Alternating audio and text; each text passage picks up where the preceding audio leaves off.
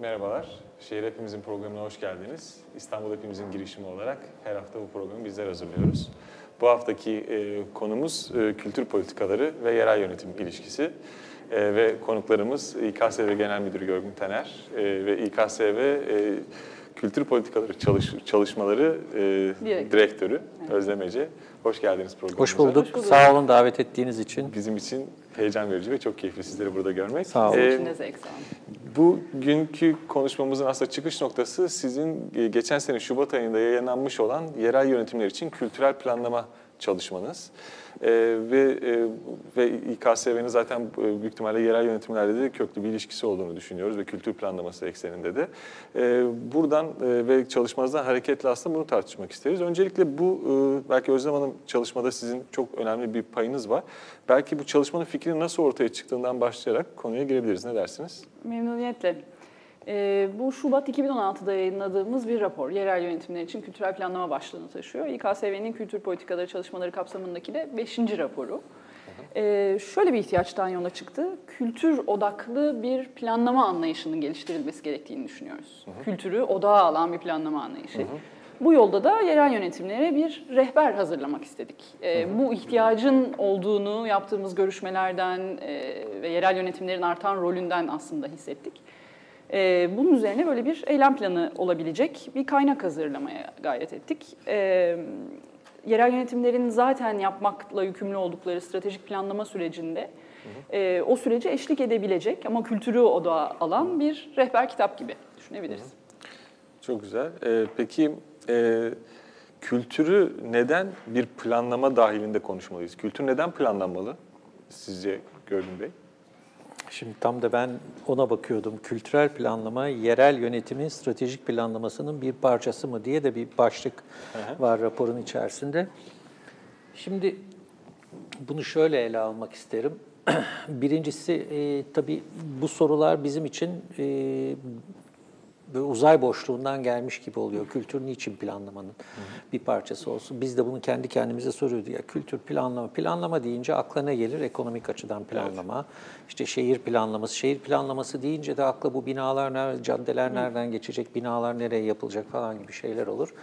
Ve bütün bunlar yapılırken de kültür dünyasının hiçbir insanı bu planlamanın herhangi bir yerinde düşünülmez. Şimdi buna oradan şöyle bir zıplayarak kendi küçük dünyamıza baktığımızda bizim yaşantımızın içindeki kültürün, sanatın, çünkü sanat değil bir de sanat planlaması akla geliyor. Halbuki hani bir kültür merkezi nerede olacak değil kültürün Evet, planlanması.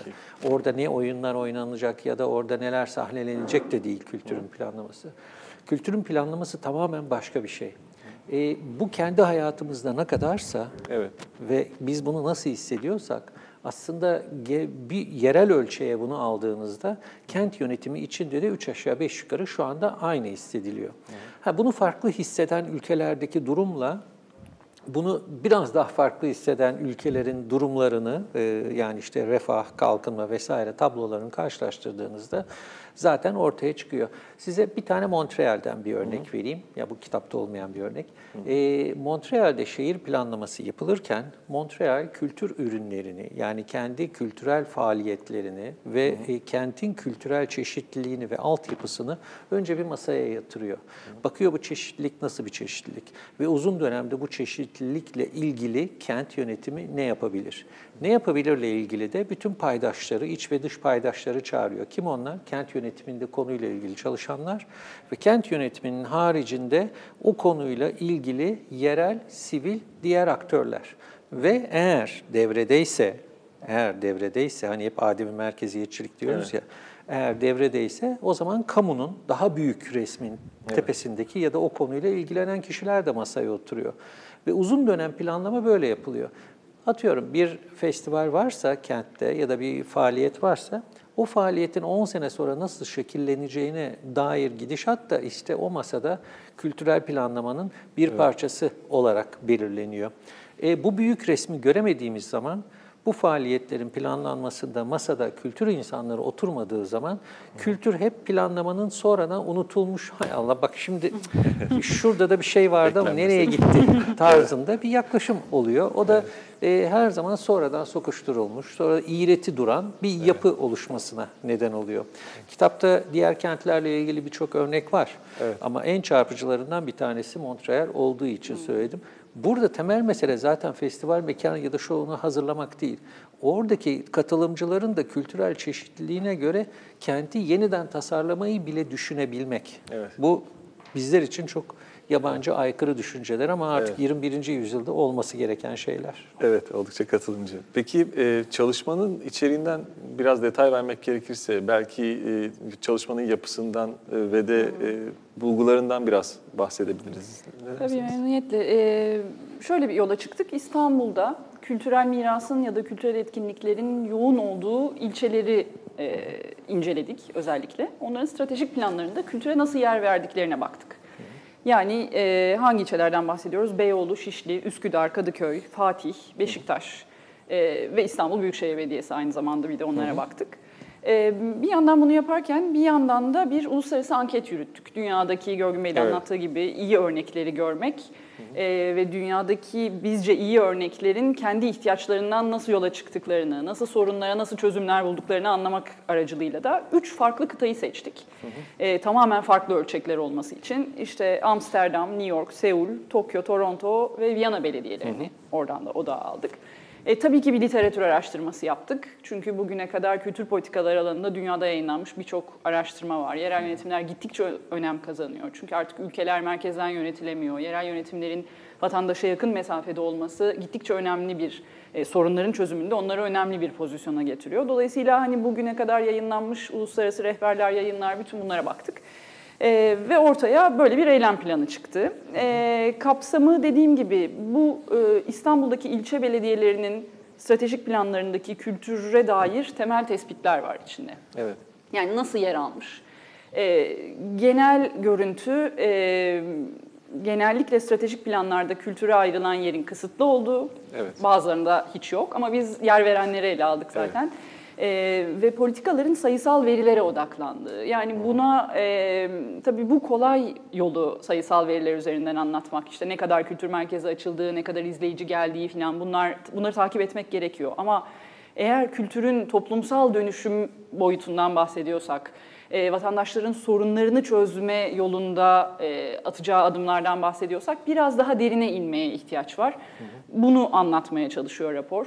E, özellikle dezavantajlı kesimler nasıl bu planlama süreçlerine dahil edilebilir? Kültür bütüncül olarak ve stratejik olarak nasıl ele alınabilir? Bunun yolunu arıyor. E, baktığımız stratejik planlarda dediğim gibi genellikle sayısal odaklı. Belediye başkanları çok önemli bir role sahip ama bu planlama işini yürütecek uzman bir ekip genellikle yok. E, bu işe kaynak ayrılmamış durumda e, gibi böyle temel bir takım sorunlar var gördüğümüz e, durumda. E, dolayısıyla da bu eylem planı bunu aşma yolunda bir irade göstermek isteyen belediyelere bayağı zaman planıyla, işte bütçesiyle, adımlarıyla filan örnek olmayı ve bir yol açmayı hedefliyor. Anladım. Ee, çalışmanın içerisindeki bir cümle benim oldukça dikkatimi çekti. Ee, kültür planlamalarında e, planlama merkezden ne kadar yerele kayarsa e, o kadar daha e, doğru e, planlama yapılabildiği yönünde. E, buradaki sizce kültürler, kültürel planlamada e, yerel ve merkez arasındaki ilişki dengesi nedir? Nasıl ilerlemeli? Ee, istersen bununla ilgili şöyle bir şey anlatayım. Ee, bir an hem rapordaki hem de bu konuyla ilgili şöyle böyle yapılmalıdır bir kenara iteyim. Ve bu konuda aslında elimizde çok iyi bir örnek olan 2010 Avrupa Kültür Başkenti'ni şöyle ele Çok alayım. güzel olur. Ee, mesela Türkiye'de bence kaçırılmış fırsatlardan bir tanesi hani tartışmanın bir kısmı kültür başkenti nedir? Bu bir tanıtma faaliyeti, bu bir PR faaliyettir, bu ne rezalettir kısmını bir kenara atalım. Bence önemli bir şey bir yerin kültür başkenti, iyi bir fırsat, kültürel altyapının oluşması, işte yani bu konuda herkesin bir fikre sahip olması ve katılımcılığın artırılabilmesi için iyi bir fırsattı. Ama İstanbul Avrupa Kültür Başkenti'nden geriye ne kaldı sorusuna şöyle bir bakalım. Bence temel kaçırılmış fırsat Avrupa Kültür Başkenti hikayesinde yerel bir idare tarafından yönetilemeyişidir. Yani bütün dünyada bütün örneklerine baktığın zaman kültür başkentleri örneklerine onların %95'i bir tane daha örnek var galiba bizim haricimizde. E, merkezden değil, yerelden oranın belediye başkanı kimse ve yerel aktörler kimse onlar tarafından ele alınmış ve belirli bir noktaya taşınmıştır. E, ülkemizde ise maalesef bu yine merkezden ele alınarak yönetilen bir e, vaka olarak cereyan etti. Hı hı. Ve sonuçta da bu o kadar top o kadar büyüdü ki yönetilemez bir hale geldi. İşte o bahsettiğimiz merkezle yerel çelişkisi de tarafların birbirlerine ya küsmeleri ya anlaşamamaları ya da başka türlü çeşitli kaynak paylaşım nedenlerinden ötürü bir türlü bir istenilen bir e, neticenin alınamayışıyla sonuçlandı. Şimdi burada temel mesele ne? Temel mesele şu, artık kültürle ilgili sorunların bütün dünyada iyi örnekte, kötü örnekte yapılanlara bak, ne yaparsan yap, e, yerelden başlatılarak çözümlerinde yerel unsurlar tarafından bulunmasının temel alındığı bir dönemdeyiz. Yani bir defa bu kesin. Yerelde herkes kendisiyle ilgili kültürel çeşitliliğini, kültürel ifadeyi, e, kültürle ilgili bir altyapıyla ilgili sorununu vesairesini yerelde paylaşmadığı takdirde ve bunun merkezden çözümünü beklediği takdirde bunun sonu e, uzun yıllar beklemek evet. şeklinde e, tecelli ediyor.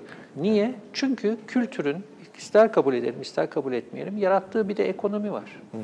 Bu kültürün yarattığı ekonomi nereye yarıyor? Oraya, o yerel kente yarıyor. Ya o içinde bulunduğumuz atmosfere yarıyor, o iklime yarıyor. E, bu yarayış da kendisini orada ifade ettiği zaman dönen gelen faydanın da neyse bu entelektüel fayda, kültürel fayda, ekonomik fayda nasıl faydayı tanımlarsan tanımla onun da o çerçeve içerisinde kalması lazım.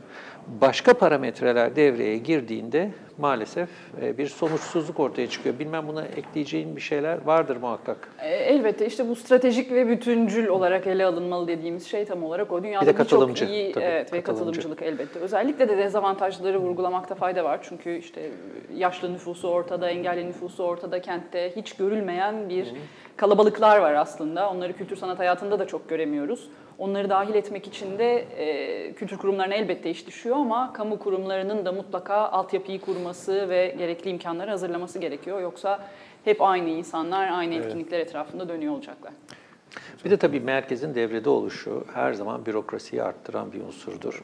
Kültür ve sanat bürokrasiyi en zor e, sindirmesi gereken e, nasıl söyleyeyim e, işlerin olduğu bir şeydir, bir e, bir yapılanmadır diyeyim. E, burada bürokrasinin giderek uzaması, yani mesela bizim ülkemizde olduğu gibi Fransa'da da bunun çok çeşitli örnekleri var. Yani sanılmasın ki yani Türkiye'de bu başka bir ülkede yok. Fransa'da da bunun çok örneklerini özellikle 2009-10 Fransa'da Türkiye hmm. mevsimi ikimizin de evet. önemli tecrübesidir. Orada da çok yaşadık. E, bu parçalanmalar orada da çok önemli sıkıntılara neden oldu. Evet, bu bağlamda özellikle Avrupa'da yerel yönetimler kültür politikalarında çok aktif aktörler yani artık hani Kültür Bakanlıklarından ziyade Hı-hı. tamamen yerel yönetimler eliyle şekilleniyor. Fon kaynakları var evet. bolca. Özellikle kentin aktörlerine bu işi bırakmayı tercih eden birçok belediye var. Bizim e, bu yaptığımız, yürüttüğümüz anket çalışmasında Viyana özellikle bu konuda çok enteresan bir evet. örnek. Ee, diğer e, birçok e, şehir işte e, bu planlamaya önem verirken kentin aktörlerini dahil edip işte evet. bütüncül planlar yaptığını söylerken Viyana diyor ki biz bir planlama yapmıyoruz belediye olarak. Bu işi kentin aktörlerine bırakıyoruz. Ve Viyana malumunuz işte evet. bir kültür sanat kenti zaten. Çok köklü kurumları var.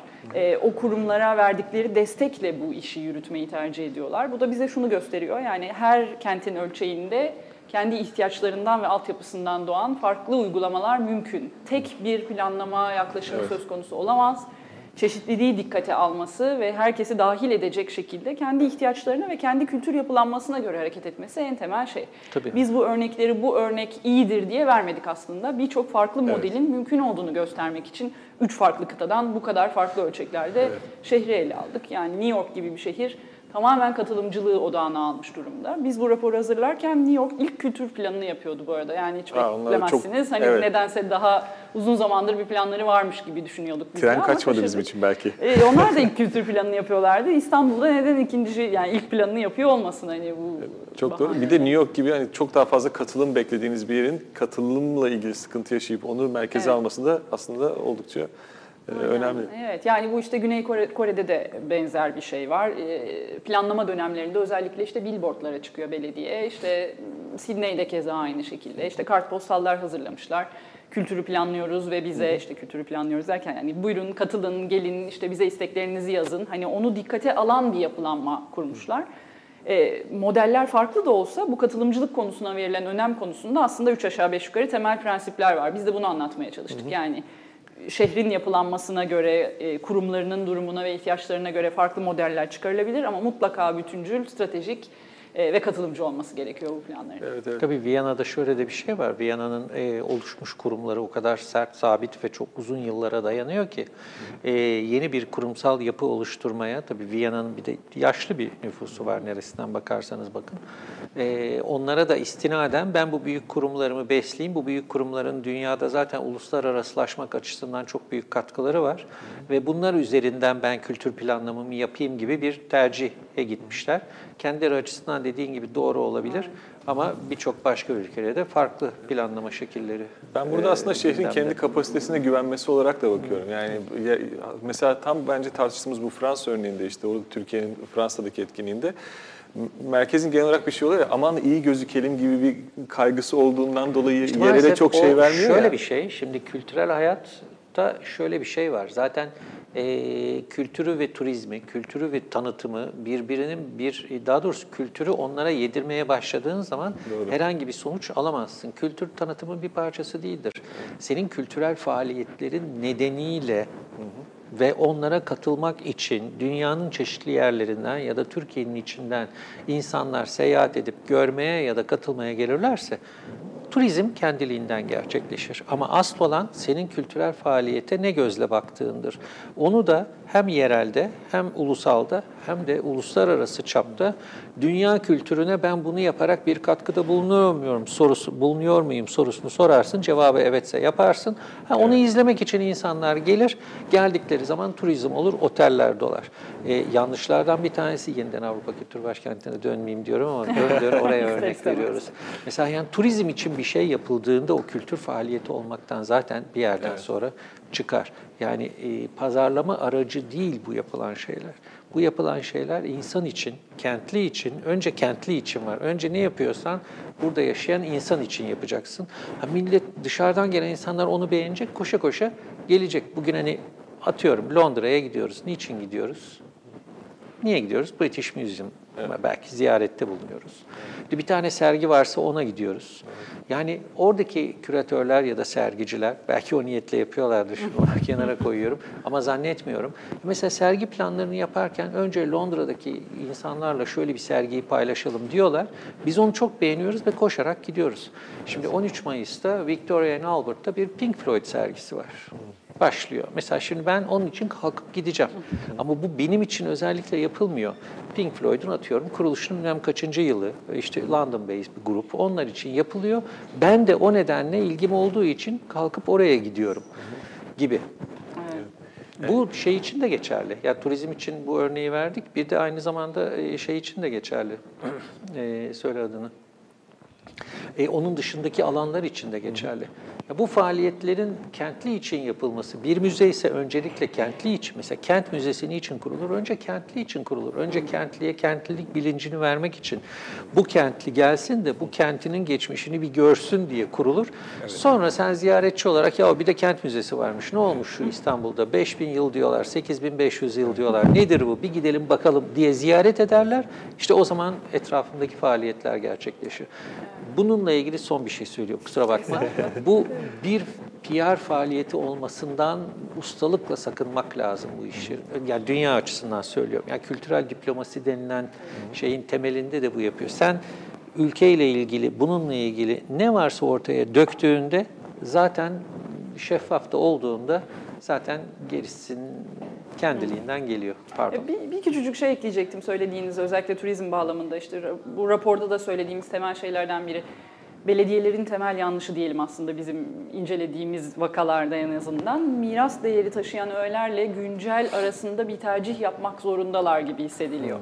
Halbuki böyle değil. Yani Evet. ikisinden birine odaklanmak zorunda değiliz. İkisini, ikisini e, bir araya getiren, e, ikisini harmanlayan yorumlar yapmak da mümkün. Evet. Bu son dönemlerde böyle üzerinde tartışılan da bir konu. Onun için tek bir seçim yapmak zorunda değiliz. Bunların hepsine farklı şekillerde yer vermek. İşte çok kültürlülüğe, etnik çeşitliliğe, dini inanç özgürlüğüne filan da stratejik planlarda mümkün mertebe kültürel planlama bağlamında yer vermek mümkün. Ancak bu şekilde o bütüncül yaklaşımı Evet. sağlayabiliriz.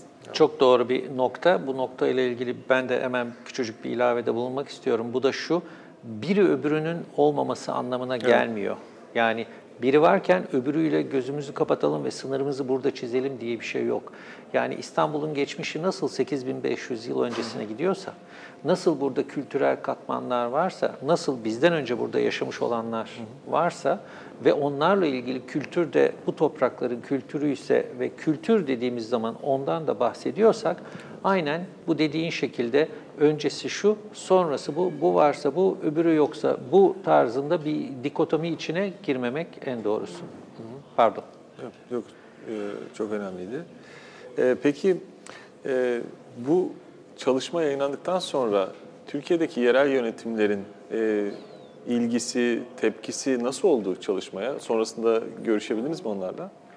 Ee, Evet, özellikle raporda odağa aldığımız bütün belediyelerle birebir biz ziyaretlerde bulunarak Görgün Bey'le beraber Evet, aslında böyle bir görüştük ki hani bir rapor yayınlandı ve kenarda kaldı gibi olmasın. Özellikle onların stratejik planlarını incelediğimiz için hani üzerine konuşmak üzere gittik, sohbet ettik. Bu bir diyalog ortamı sağladı bize. Evet. Bir kısmıyla zaten iletişimimiz var İKSV olarak ama başka bir bağlamda gittik. Pratik sebeplerle değil ya da etkinliklerimiz kapsamında değil de hakikaten kültürel planlama konusunda onlarla böyle bir diyaloğu başlatmak üzere. E, raporda yer almayan belediyelerden de davetler geldi. Birçoğuna gittik, kültürel planlamayı anlattık. E, İstanbul dışındaki belediyelerle görüştük. İşte Bursa'dan Mersin'e, kent konseyinin ya da başka ilçe belediyelerinin davetiyle gittik. Bunlar önemli adımlar bence. Yani ilgi gösteriyor Evet, tabii ki. olmaları özellikle e, çok iyi. İstanbul'dakiler oldukça ilgilendi ama Anadolu'dakilerin de duyup Evet. sahiplenmiş olmaları bence çarpıcıydı. E, ama bana sorarsanız başarı hakikaten bir belediyenin bir kültür planı yapma yoluna girmesiyle olacaktır aslında. Evet, evet. Yani somut olarak o ilk adımı atacak olan belediyeyi bekliyoruz. E, bundan sonraki stratejik plan 2019'da sanırım. Şeyde e, revizyon dönemi de 2016 sonuydu. Ge- Geride kaldı. 2019 için umutluyuz. Aynen Yani. öyle. Peki sizin deneyimleriniz nasıldı? Şöyle sorayım, belki soruyu biraz gelecek projeksiyonu yaparak da 2019 için mesela yerel yönetimlerin nasıl bir e, e, planlama çalışması yapması lazım? Özellikle kültürü de dikkate alırsak. Ondan önce bir iki katkıda bulunayım. Şimdi tabii yerel yönetimlerle ilişki e, konusunda biz kurum olarak bir önce şuradan bakmak isterim. E, kurumsal olarak biz belirli faaliyetlerde bulunuyoruz. Bu sadece bizim için değil, diğer bütün kültür kurumları için de geçerli. Çünkü son raporda buna da atıf var. Yani peki Evet. kültür kurumları siz hani her ağzınızı açtığında yerel yönetim şunu yapsın, kamu bunu yapsın, seyirci de gelmiyor falan da filan diyorsunuz da hani e sen ne yapıyorsun diye sordukları mesele var ya. Şimdi bu ben bunu şöyle önemsiyorum. Doğaldır yerel yönetimlerin Türkiye'de, dünyanın çeşitli kent yerlerinde de böyle ama onları bir kenara bırakalım. Türkiye'de işte birçok sıkıntıları var. Kaynak sıkıntısı olan var. Evet. Kaynak sıkıntısı olmayanın e, işte diğer ülkelerle ilgili görgü, bilgi, deneyim sıkıntısı var. İşte diğerinin öncelikler arasında hangisini yukarıya alacağı ve bütün bu hani yaratıcılık dünyasının nasıl gelişeceğine dair sıkıntıları var. Var, var, var. E, bizim de bunların arasında e, bir yol gösterici, madem hani biliyoruz diyoruz ya şu raporu da yazıyoruz, yol gösterici rolümüz olması lazım diye düşünüyoruz. Yol gösterici rol ne demek? Bıkmadan, usanmadan gidip anlatmak. Yani seni bir yerden "Evet, tamam falan diye yolluyorlarsa arka kapıdan girmeye çalışmak ve bu işin e, avukatlığını yapmaktan imtina etmemek. Bizim de yapmamız gereken bu. Ha önümüzdeki stratejik planlara e, kültür ve benzeri e, şeyler, e, değerler nasıl girer? Ya bir değerler iletişimi nasıl girer? Kalkınma e, Bakanlığı'nın istersen onu iki dakika sen anlat, e, ben ondan sonra devam edeyim. Mesela bu konuda önemli bir başarıdır bu. Yani söyle söyle. Kalkınma söyle. planı. Bir- o bina okur benim oğlum döner döner bina okur diye bir laf vardır. Söyleye söyleye gerçekleşen bir şey var Evet, mesela. bu kalkınma planları bir dönem 60'lı yıllardan beri süre gelen malum işte kalkınma planlarının e, içinde kültür sanat e, konusunun gündeme alındığı bir toplantıya biz de dahil olduk birkaç sene evvel ve işte e, kalkma planının içinde kültüre nasıl yer verileceğini işte bir takım kültür aktörleriyle beraber, hocalarla beraber tartıştık. Bu bence önemli bir adımdı yani kalkınma planıyla beraber çünkü Kültür Bakanlığı'nın ve geri kalan bütün ilgili bakanlıkların bütçesi belirleniyor, süreçlere dahil Evet. oluyor. İşin oradan e, başlaması gerektiğini keşfettiğimiz noktadan itibaren biz Kalkınma Bakanlığı'yla sanırım daha yakın bir ilişkiye girdik. Bütün raporları onlara da ulaştırıyoruz. Her seferinde onlarla da iletişim halindeyiz. Yani sadece Kültür ve Turizm Bakanlığı sorumlu değil, e, Kalkınma Bakanlığı genel olarak merkezi idare anlamında sorumlu. Ama mesela İçişleri Bakanlığı da yerel yönetimler bağlamında çok önemli. Yani buna benzer kültürle uzaktan yakından ilişkili olabilecek merkezi ya da yerel bütün e, planlama süreçlerine dahil olmaya çalışıyoruz.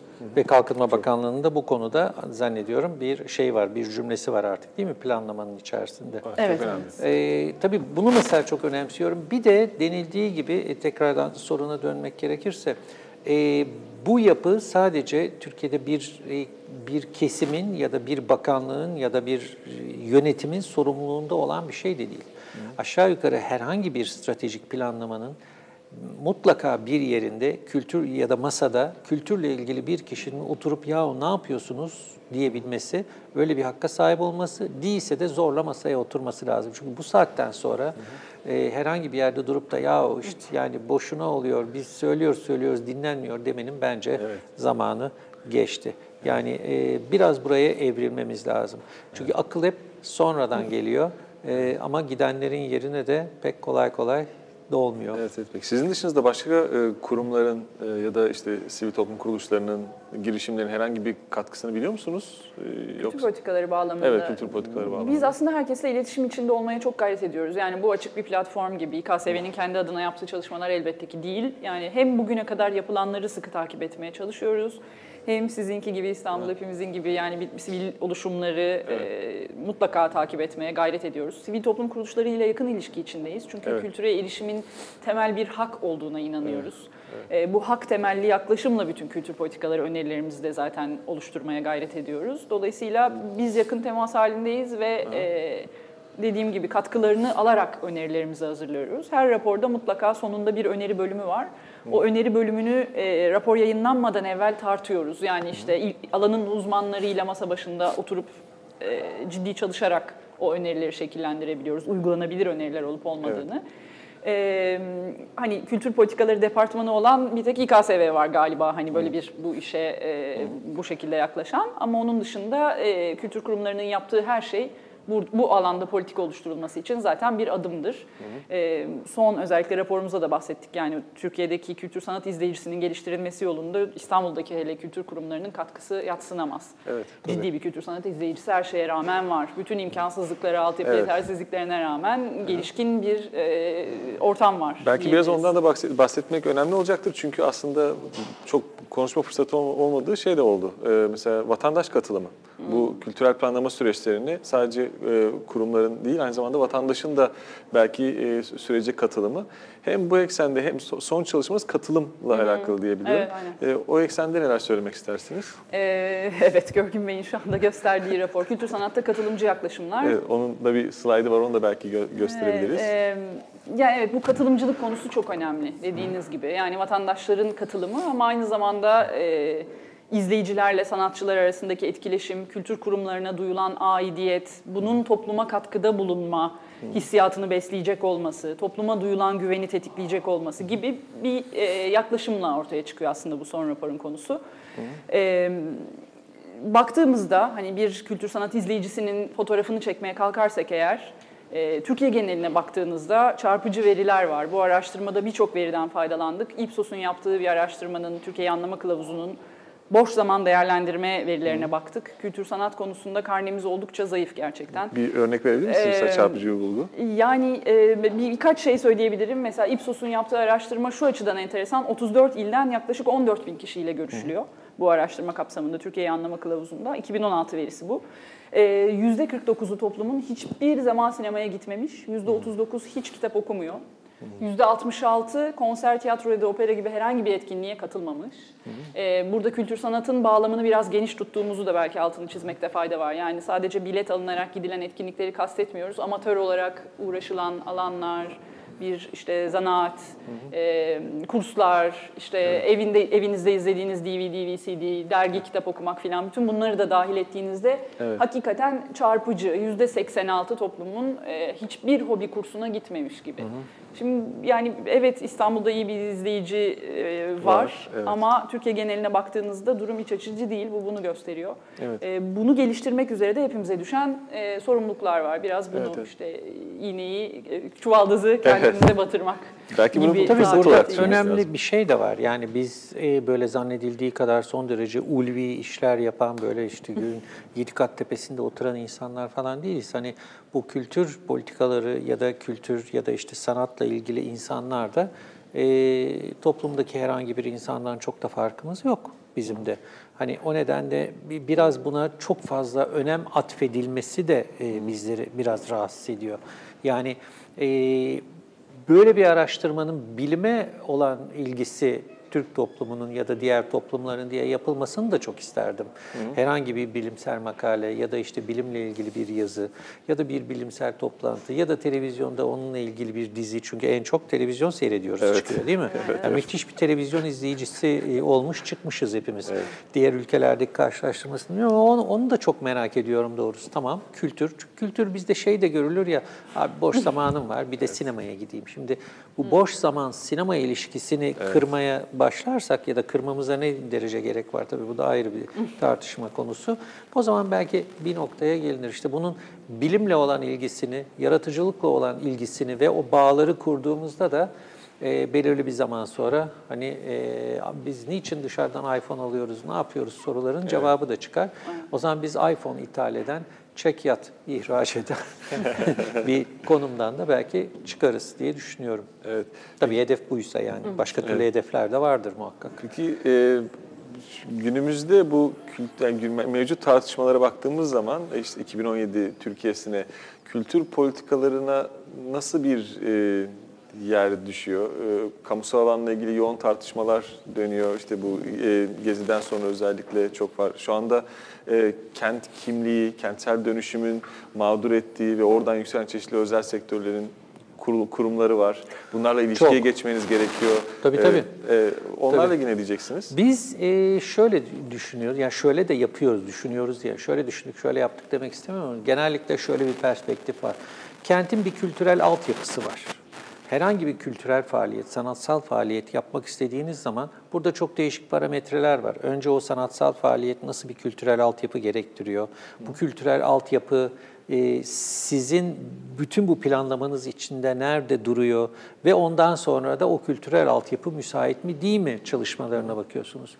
Biz bütün faaliyetlerimizde kente yaygın bir kültürel altyapı kullanmaya, sadece kültür mekanlarını değil, kültür mekanı olarak kabul etmeyen başka mekanları ama dönüşme potansiyeli olan mekanları da kullanmayı tercih ediyoruz. Belirli bir süredir kentin e, kültürel, kamusal, kamu alanından kültürel altyapısında sıkıntı var. Atatürk Kültür Merkezi şu anda yok. Şu anda işte e, şöyle bir İstanbul Devlet Senfoni nerede çalıyor diye şurada hemen sorsak "Hmm," diye herkes düşünür. Halbuki eskiden belirli bir mekanı vardı. E, Doğru ya da yanlış. Yani şimdi o tartışmalar da başka türlü tartışmalar. Çünkü oraya girdiniz mi de e, ya A ya B demek zorunda kalmanız o tartışmaların ilerlememesi için de e, çok büyük bir engel teşkil ediyor. Bunun artık A'sı B'si yok. Yani onları da biraz geçmemiz lazım. Hani sormadığınız ama antiparantez onu da söyleyeyim dedim. Tartışma dinamiğiyle ilgili. E, biz hem özel sektör e, yapılanmaları, kültürel altyapısı hem e, şeyi kullanıyoruz, hem kamusal altyapıyı kullanıyoruz. Ha buradaki karışım hangisi daha uygunsa e, o. Özel bir tercihimiz var mı? E tabii burada yaptığımız işin niteliği bizim tercihimizi de belirliyor. Bugün e, mesela bir takım faaliyetlerimiz için özellikle sahne sanatları e, zorlu performans merkezi haricinde kullanılabileceğimiz o altyapıya haiz hiçbir yer yok. Bugün Türkiye'de isterseniz Berliner Ensemble'ı getirin, isterseniz 3 tane 3 bar ışık, 2 tane de spotlight lazım diyen bir tiyatro oyununu götürün. Bunun sergilenebileceği bir altyapı ister inanın ister inanmayın 16 milyonluk İstanbul'da yok. O nedenle de özel sektörün altyapı çalışmalarının içerisinde bulunmak durumundasınız. Ha, kamu ile ilgili yapılar. Kamu ile ilgili yapıların bence ve yapılanmanın baştan ele alınması lazım. Şu anda e, çok çeşitli sanat disiplinlerinde artık kültürel planlamayı da bir kenara bırakarak sanatsal disiplinlerle ilgili de söyleyeyim. Bugün Türkiye'de, e, ya İstanbul'da özellikle Ankara ve İzmir'i bundan hariç tutayım çünkü çok bilgili değilim. E, bir takım disiplinlerde opera olsun, bale olsun, tiyatro olsun, e, kon, şey olsun, e, senfonik müzik olsun. Bununla ilgili çok sıkıntılı altyapılar var. E, yine dönüp bakıyorsunuz nerede bu altyapı diye. İşte Zorlu'da bir altyapı var. Bazen e, kongre salonlarını biz konser salonu olarak kullanıyoruz. Üzücü taraflardan Evet. bir tanesi de bu. Hani e, şu, istediğinizi söyleyin ama dünyanın önde gelen bir orkestrasını davet ettiğiniz zaman eğer siz nerede çalacağız sorusuna işte X, Y, Z kongre salonu dediğinizde kongre salonu mu? Soru cevabını alıyorsunuz. Niye alıyorsunuz? Bu bir küçümseme ya da vesaire değil. İşin iyi yapılmasına odaklanıldığı için bu cevabı alıyorsunuz. Çünkü eğer siz iyi bir senfoni orkestrasını ya da filarmoni orkestrasını iyi bir akustik ortamda dinlemek istiyorsanız bunun için bir konser salonu gerekir. Ama maalesef birçok ülkede, bu sadece ülkemize has değil, bu çok amaçlı salon denilen şeyde abi gelmişken şunu da şunu da şunu da koyu verelim kolaycılığı var ya işte o yüzden zaten belirli bir yere varamıyorsunuz. Bizim bu hani şimdi kültürü açtık biraz sanat kısmına geldik Evet. ama e, bizim yaptığımız işte mükemmelliyetçilik biraz temel. Eğer bir tiyatro salonunda bir iş yapacaksanız o tiyatro salonunda yapılır. E, opera sergileyecekseniz onun da opera altyapısına haiz olması lazım. Senfoni konseri vereceksiniz, akustiğinin ona göre olması lazım. Herhangi bir salonda hem akustik konser yapıp sonra e, e, e, ampli şey e, yükseltilmiş müzik yani işte caz rock konserlerinin yapıldığı e, diğer faaliyetlerinde yapıldığı yer ise eğer orada bir sıkıntı vardır ya da o altyapıyı ona göre düzenlemeniz lazım. Ona göre içeride bir sürü değişiklik yapmanız lazım. E bunlar da maalesef ya biz artık tabii ona da razıyız kamusal açıdan o başka bir şey ama e, oralarda hep bir sıkıntı var. Evet. Yani kısaca diyeceğim şu toparlamak gerekirse Türkiye'nin kültürel altyapısı itibariyle e, çok büyük sıkıntıları var. Böyle bir kültürel altyapı kamusal alanda parkı yok. E, bu işin zaten özel sektöre de devrediliyor gibi olması en temel yanlışlardan bir tanesi. E, bu e, yakın zamanda aslında bakıldığı zaman normalde eskiden hep şeydi, e, Beyoğlu bölgesi e, İstanbul için bir kültür sanat merkeziydi. Oranın yoğun bir şekilde dönüşümünden sonra aslında yavaş yavaş İKSV'nin çeşitli etkinliklerinde aslında şehrin e, bir sürü yerine yayıldığını da gözlemleme fırsatımız oldu. Ya da e, bu tasarım bienalinde mahalle ölçeğinde çalışmalar da yapıldı. Aslında bu zamanın ruhu mudur yoksa zorunluluktan kaynaklanan bir e, süreç midir? İkisi de. İkisi de. hı. Çünkü bir gösterileriniz çeşitlendiği zaman eee, bunlarla ilgili kentin şimdiye kadar kullanmadığınız yerlerini kullanma e, isteğiniz doğuyor. Yani yaratıcılık, yaratıcılık çünkü şöyle bir şey. Siz bir festivali belki beş defa izliyorsunuz, çok mutlusunuz ama onu yapanlar sürekli bir adım daha öteye nasıl Evet. götürebilirim diye düşünüyor bir. İkincisi bahsettiğiniz iki bienalde aslında küratör adı altında e, üçüncü kişiler tarafından, üçüncü e, sanat dünyasının önemli kişileri tarafından planlanan, hazırlanan işler.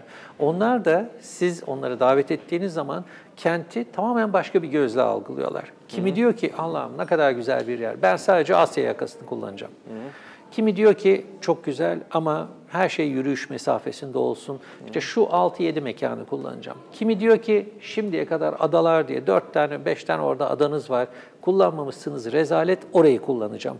Şimdi bu tabii çok büyük bir zenginlik, çok büyük bir perspektif getiriyor. Ve siz de yaygınlaşıyorsunuz. Yoksa İstanbul o açıdan hem kolay bir kent hem de çok zor bir kent. Niye zor bir kent? E bir yerden bir yere zaten bir buçuk saatte gidiyorsunuz. Evet. Bir konser izlediniz iki saat.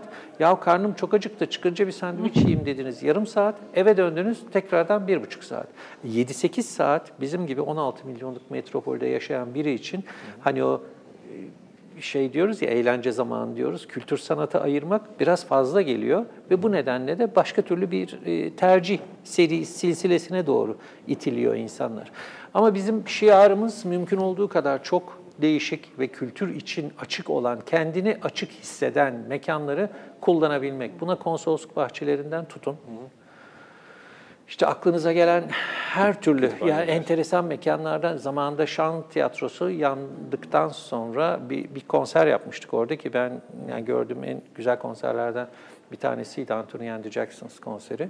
Ee, olağanüstü bir atmosferde gerçekleşmişti. Orada hani herhangi birini getirip de burası konser mekanı deseniz güler. Değildi çünkü. Mühim olan bazen de o atmosfere göre bu mekanları dönüştürebilmek ve o mekanlarla beraber müziği unutulmaz kılarak insan hafızasında yer etmesini sağlamak. Yoksa açık hava tiyatrosu gibi bir yerde 35 bininci konseri yaptığınız zaman o da çok iyi. Hiçbir şey demiyorum. Bizim için de çok önemli bir mekan. Onlar ayrı. Ama diğerinin heyecanı tabii biraz daha farklı oluyor. Sürekli potansiyelin farkında olup yenilikçi olmak. E öyle gerekmiyor mu? Zaten 16 değerlendirmek. milyon insan yaşıyor. Zaten çok genç bir nüfus var. Zaten hani e, sürekli bir yaptığınızı tekrar ederek değil, e, bir yaptığınızın nasıl önüne geçerim diyerek düşünüyorsunuz. Sizinle beraber düşünen üçüncü kişiler de var. Yani o sanat dünyasının önemli e, ustaları buraya geldiği zaman onlara siz başka türlü olanaklar, mesela müzik festivalinde bu sene kapalı gününde kapalı çarşının içinde bir konser var. Şimdi bu çok önemsiyorum ben bunu. Bir kapalıyken kapalı çarşıyı görmek kadar e, konseri dinlemesem de merakımdan giderim. E, gibi gibi gibi. Örnekleri arttırmayayım. Evet. Çok teşekkür ederiz. Zamanımızın sonuna geldik. Evet.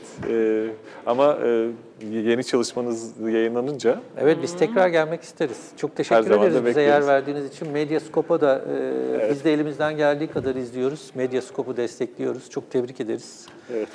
Çok kolay gelsin size de. Çok teşekkürler Çok teşekkür katıldığınız ederiz için. ya. Evet, bir programımızın daha sonuna geldik. Ee, önümüzdeki hafta başka konuk ve başka konularla e, yine karşınızda olacak şe- şehir hepimizin olarak.